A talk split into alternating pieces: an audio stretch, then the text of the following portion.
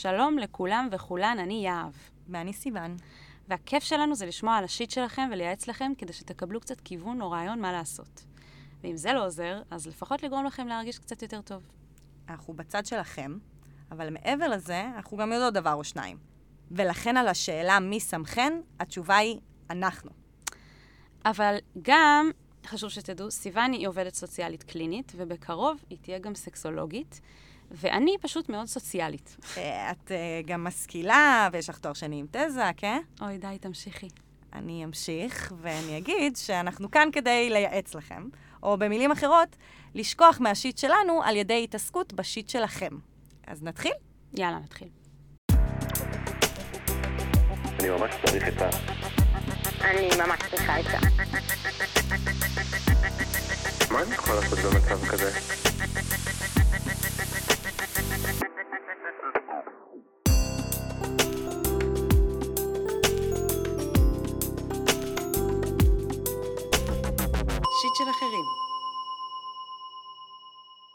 אז אני אקריא את הקטע הראשון.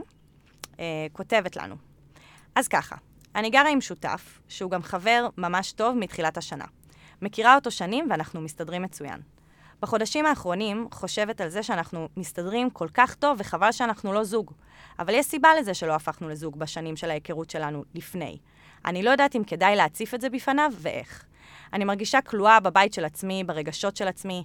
מצד אחד אני לא מאוהבת בו, מצד שני אנחנו מתאימים כל כך וזה פשוט חבל. לא יודעת אם להעלות את זה בפניו עכשיו, כשאין לאן לצאת מההורים. לא יודעת איך לדבר איתו על זה. אוקיי, אז כותבת יקרה, דבר ראשון, יכול להיות באמת שיש לך רגשות כלפיו, אה, ויכול להיות שאתם פשוט נמצאים באינטנסיביות אחד עם השני, ולפעמים זה, זה קצת משהו שקורה כשנמצאים, במיוחד שאתם לבד אה, בגלל הקורונה, וכמו שאמרת, אין לך איך לצאת אה, משם להורים בגלל זה. אז כאילו, יכול להיות שזה בגלל שאתם, אה, מה שנקרא, אחד בתוך התחת של השני, או יכול להיות שאתם פשוט מסתדרים נורא טוב, אבל אולי זה לא סיבה להיות זוג. כן, אני, אני קצת מרגישה שקודם כל את צריכה להיסגר על עצמך. אני לא יודעת אם, אתם חוש... אם את חושבת שאתם מתאימים רציונלית, או שבאמת יש לך רגשות כלפיו, כי לפעמים, כשאנחנו ממש רוצות זוגיות, אז פתאום כל האנשים מסביבנו הופכים להיות איזשהו פוטנציאל. פוטנציאל. כן, פוטנציאל כזה, כאילו פתאום הוא כזה, אותו "Hmm, בן אדם. אולי גם הוא, אולי בעצם הוא מתאים לי, ויכול להיות שאין שם באמת רגשות אה, אמיתיים, אלא איזושהי רציונליזציה שמתיישבת עליו. אז כאילו, בהקשר הזה, אני חושבת שכדאי לעשות ניהול סיכונים. כי לפתוח את זה איתו, זה אומר שיכול להיות שאת תאבדי את השותפות איתו, את הידידות איתו, שזה בסדר, אבל זה, זה משהו שכדאי לקחת אותו בחשבון.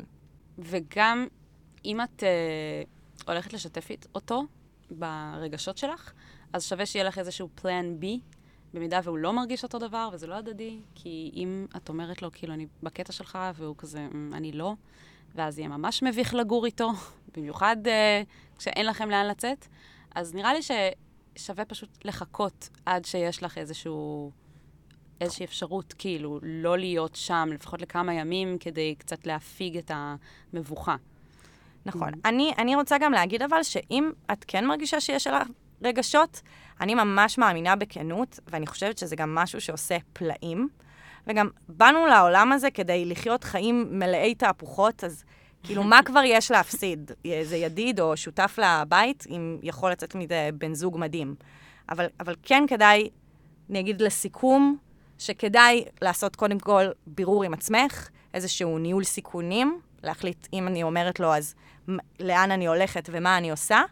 אמ, ואם את מחליטה שזה לא באמת שווה את זה, אז למצוא את הבחור הבא להיתפס עליו. להחליף שותף. כן. אה, טוב, כותבת יקרה, אנחנו מקוות שעזרנו לך, ולפחות אם לא, אז לפחות שגרמנו לשיט שלך להריח פחות רע. אה, הפנייה הבאה היא קצת יותר כבדה, נקרא לזה. אז ככה, אני ובת הזוג שלי ארבע וחצי שנים יחד. אני אוהב אותה בכל ליבי, ובעיקרון מתכוון להתחתן איתה. הבעיה היא שאני מכור כבר חמש וחצי שנים למצלמות רשת. כשאני באתרים האלה אני מחפש בנות, ולרוב יוצא מצב שבו אני והבחורה ממול עושים דברים שהיו נחשבים לבגידה. אני מכור באופן רציני, והיו תקופות שנכנסתי על בסיס יומיומי. החברה שלי כמובן לא יודעת, אבל חברים וידידות שלי כן, כיוון שהייתי חייב להוציא זאת. בנוסף, הלכתי לטיפול מיני במשך שנה, אבל חוץ מההורדה של האינטנסיביות של הכניסה לאתר, אני עדיין ממשיך. צריך לציין שאני ובת הזוג שלי גרים ביחד כבר שנתיים. הקטע הוא שאני באמת אוהבת חברה שלי, אבל אני מכור לאתר עוד לפניה, ואני מקבל שם סיפוקים באופן מיידי וכיפי. בעבר אמרתי לעצמי שזה לא בגידה, כיוון שאין פה משהו פיזי, וגם זה רק באופן חד פעמי כל פעם. אבל בשנה וחצי האחרונות ברור לי שזה בגידה, ואני מת להפסיק, אבל לא מצליח, כי הסיפוק המיידי קל מדי. אני מנסה כל מיני טכניקות, ואף הצלחתי פעם לא להיכנס 99 ימים, אבל אני כל פעם נופל שוב ושוב.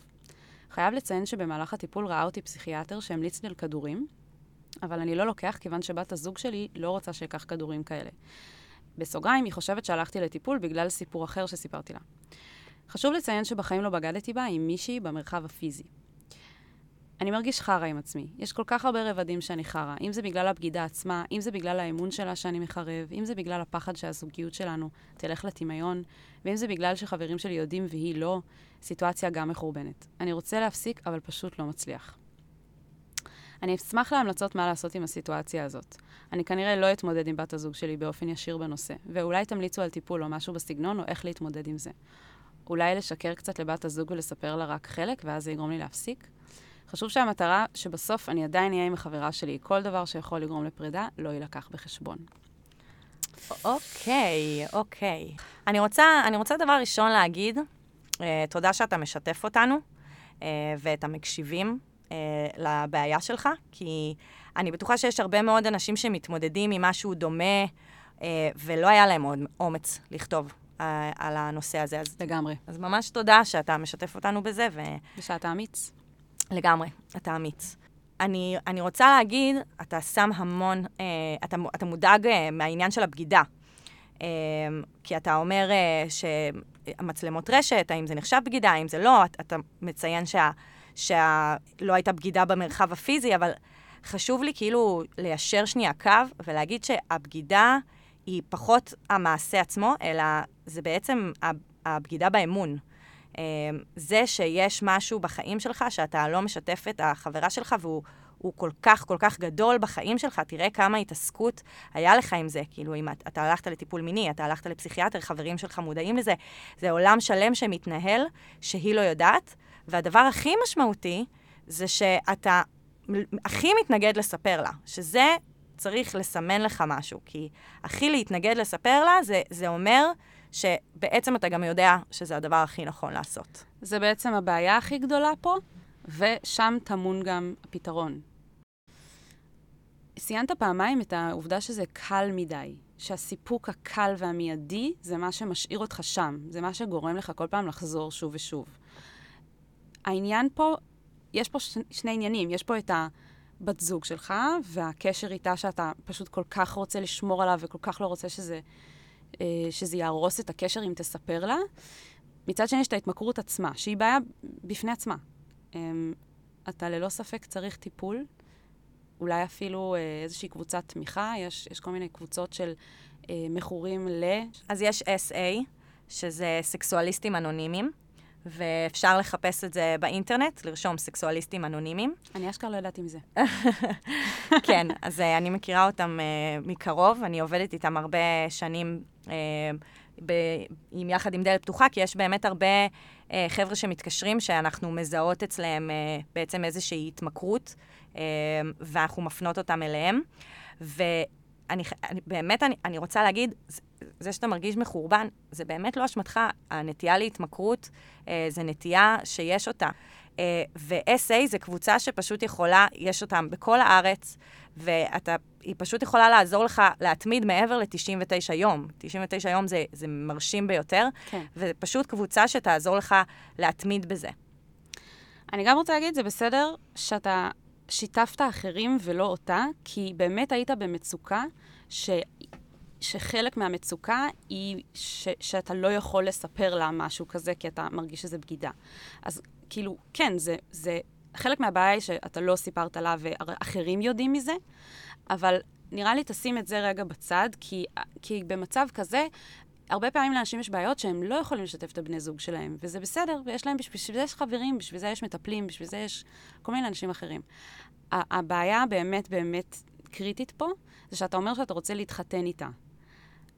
הדבר הכי הכי חשוב בעיניי, חוץ מזה שתלך לטיפול, זה שלא תתחתן עם האישה הזאת מבלי שהיא יודעת את זה. כי זה לא הוגן לה.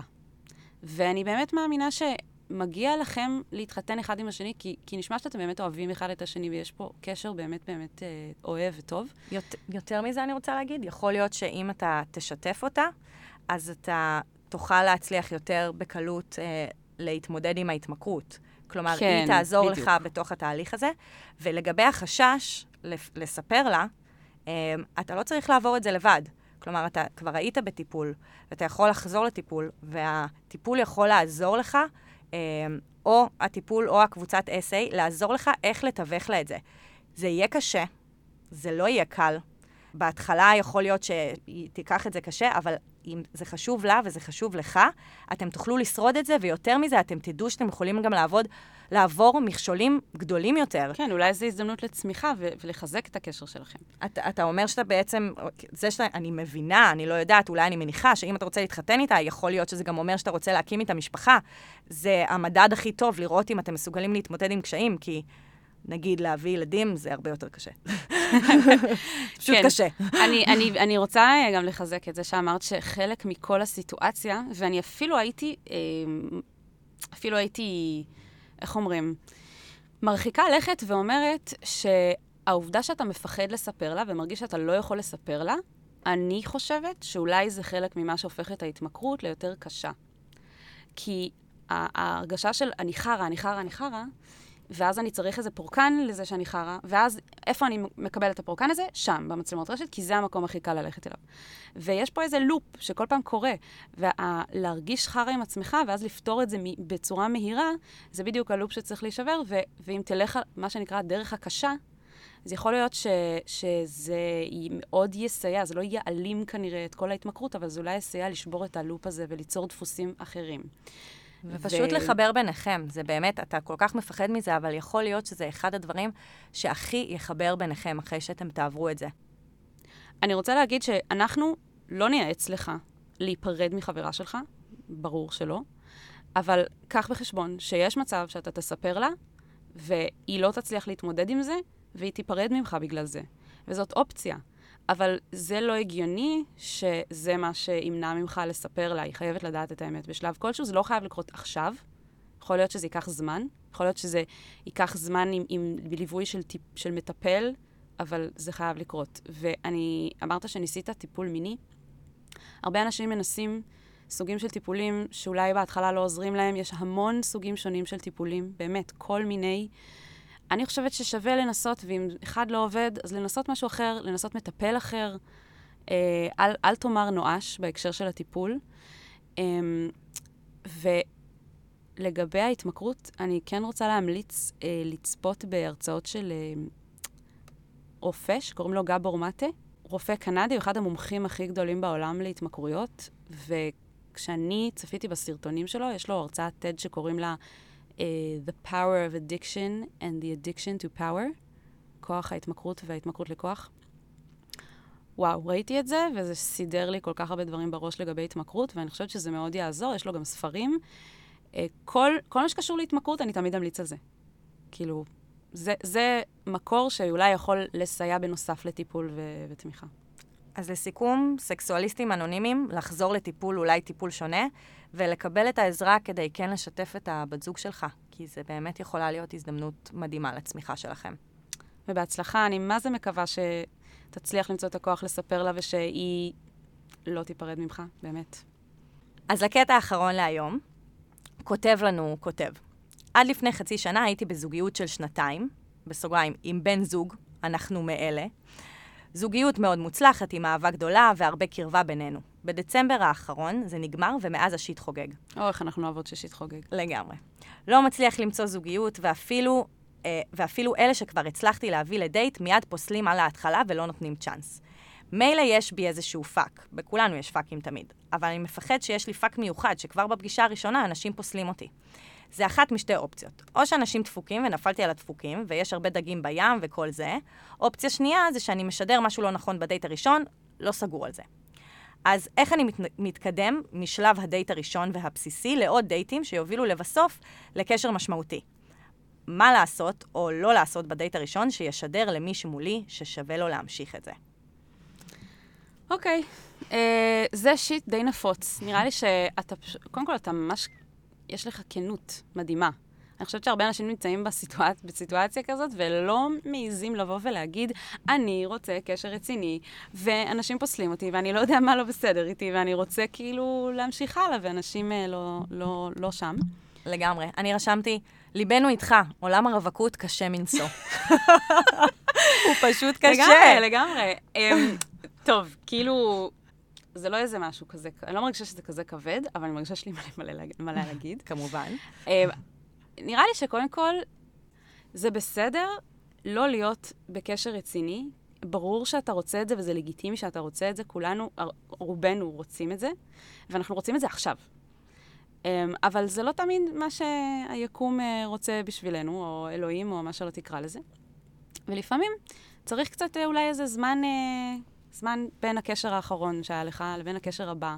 איך קוראים לזה? מין תקופת אה, צינון כזאת, וזה ממש בסדר. יש כאלה שקוראים לזה תקופת צינון, יש כאלה שקוראים לזה רווקות, הוללות, אה, כל אחד והסגנון שלו. אני רוצה לקרוא לזה החיים, כי פשוט אה, אנחנו חיים, חיים עצמם. ודברים קורים לנו בדרך, ואני חייבת להגיד שמאוד קשה לי עם התפיסה הזאת שאנחנו ברווקות כל הזמן מחפשים זוגיות, כי פשוט אנחנו חיים, ולפעמים אנחנו ברווקות, ולפעמים אנחנו בזוגיות, ו- ו- וזה זה בסדר לרצות זוגיות, אבל זה גם בסדר להסתכל על הדרך כאיזשהו אה, דבר שנותן לך ערך גם.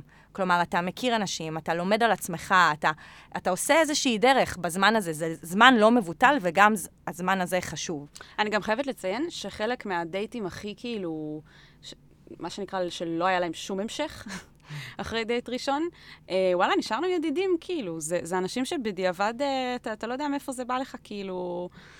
אחלה אנשים הכרתי, באמת, בתור בני אדם. נכון, אני, אני גם רוצה להתייחס להקשר של, אה, ב, כמובן, הקהילה שאליה אתה משתייך, קהילת הלהט"ב. אגב, רק כשהקראת את זה עכשיו, הבנתי בפעם הראשונה שכשהוא אומר אנחנו מאלה, הוא מתכוון אנחנו גייז, כי אני הייתי בטוחה שהוא מתכוון, אנחנו, אה, עם בן זוג, אנחנו מאלה, כאילו, אנחנו מהקיצ'ים האלה שהם בני זוג שנתיים, אני כזה, מה? יש מצב. יש מצב שלזה הוא התכוון גם. כן. יכול להיות שהוא התכוון, אני אולי משערת שאנחנו מהגייז שכן בזוגיות. כן, כן, נראה לי שזה... אז, אז אני רוצה באמת להגיד, אנחנו משערות פה, יכול, אתה יכול לתקן אותנו בהמשך, אבל אני רוצה להגיד שהקהילה הזאת היא, היא באמת מאוד קשוחה. Uh, ולמשל, אני יודעת שהגריינדר זה, זה אחת האפליקציות הכי uh, קשות uh, להיות בה. רגשית. ו- רגשית, ו- ובאמת uh, מסלילות לקשרים שהם לא מחייבים וקשרים שהם לא רציניים. ולפעמים צריך לבדוק מהי הפלטפורמה שבה אתה בעצם מתחיל את הקשרים האלה. כן, יכול להיות שכאילו הגריינדר או הטינדר זה לא בהכרח המקום למצוא קשר משמעותי. אגב, יכול להיות שכן, כאילו, יכול להיות שגם אתה תפגוש בן אדם וסתם תרצו ליהנות לערב אחד, ווואלה, כאילו, ימשיך. זרם לכם, ונהניתם מחברת אחד השני, וזה המשיך, אבל אני חושבת שכאילו, ב... אפשר להגיד בתור כלל אצבע, שכאילו הגריינדר והטינדר, וכל מיני שאר ירקות, זה כאילו, כנראה שמשם לא תבוא, מה שנקרא, הישועה, שכבר סיכמנו שהיא לא בהכרח ישועה.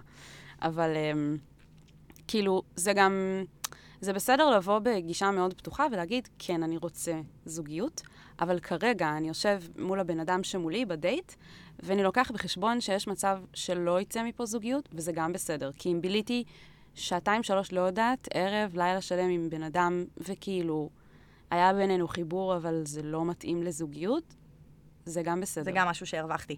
כן. וגם, וגם שווה להצהיר כוונות מראש. גם בגריינדר, אני יודעת שאתם יכולים להצהיר הרבה דברים אה, לגבי מה אתם מחפשים, ואחד מהם יכול להיות פשוט שאני מחפש משהו רציני. ו, ודבר שני, אתה, אתה שואל לגבי הדייט עצמו. אז אני חושבת שדייט מיוחד, שהוא לא לשבת בפאב או לשבת בבית קפה, אלא לעשות משהו שהוא שונה והוא מוציא ממך משהו אחר, לא יודעת, אה, לעשות פקל קפה, ללכת למופע סטנדאפ. ללכת למופע סטנדאפ, חלום שלי. ללכת לבאולינג, לא יודעת, כאילו דברים הזויים. בואי לא נגזים. באו לי. דברים. הזויים. ללכת לים אפילו, לא יודעת, משהו שמוציא מאיתנו, אה, שהוא קונטקסט טיפה שונה מהנורמה, מהמלאכותיות הזאת של כזה לשבת במסעדה או בפאב. בדיוק. כן, אני אולי. אפילו להגיע ביחד לדייט, לא יודעת, לתפוס, לתפוס אוטובוס ביחד. כאילו, לצאת לאיזושהי הרפתקה, זה, זה מזמן גם איזשהו שיח שונה, וזה, ואז פשוט דברים אחרים קורים. גם יש מצב שהבן אדם שיושב מולך גם בקטע של קשר משמעותי, אבל זה, זה, לא, זה לא משנה אם אתה תשדר לחץ כזה, מה שנקרא כאילו לחץ חתונה, נקרא לזה, כי זה יכול להבריח גם את הבן אדם שהכי בעניין של, אה, של קשר רציני.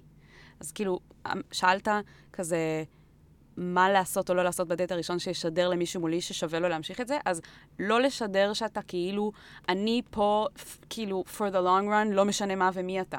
כי כאילו זה כן משנה, אנשים באים לדייט בקטע של כל מיני קיר, נראה, נבדוק את המים, ואחרי זה נראה אם אנחנו בכלל רוצים להמשיך את זה. וזה ממש בסדר. זה כאילו, זה פשוט מאוד תלוי בבן אדם, אז כאילו, תהיה מי שאתה, ו- ותנסה להרגיש כמה שיותר בנוח, ו- וכאילו, וזה מה שבסוף כזה יעשה את העבודה. כן, אני אוהבת להגיד, תהיה אתה אתה, הוא יהיה הוא, וזה פשוט, אם זה, אם זה צריך לקרות, זה יקרה. כאילו, להיות נכון. פשוט מי שאתה. אם אתם מתאימים, אז אתם מתאימים.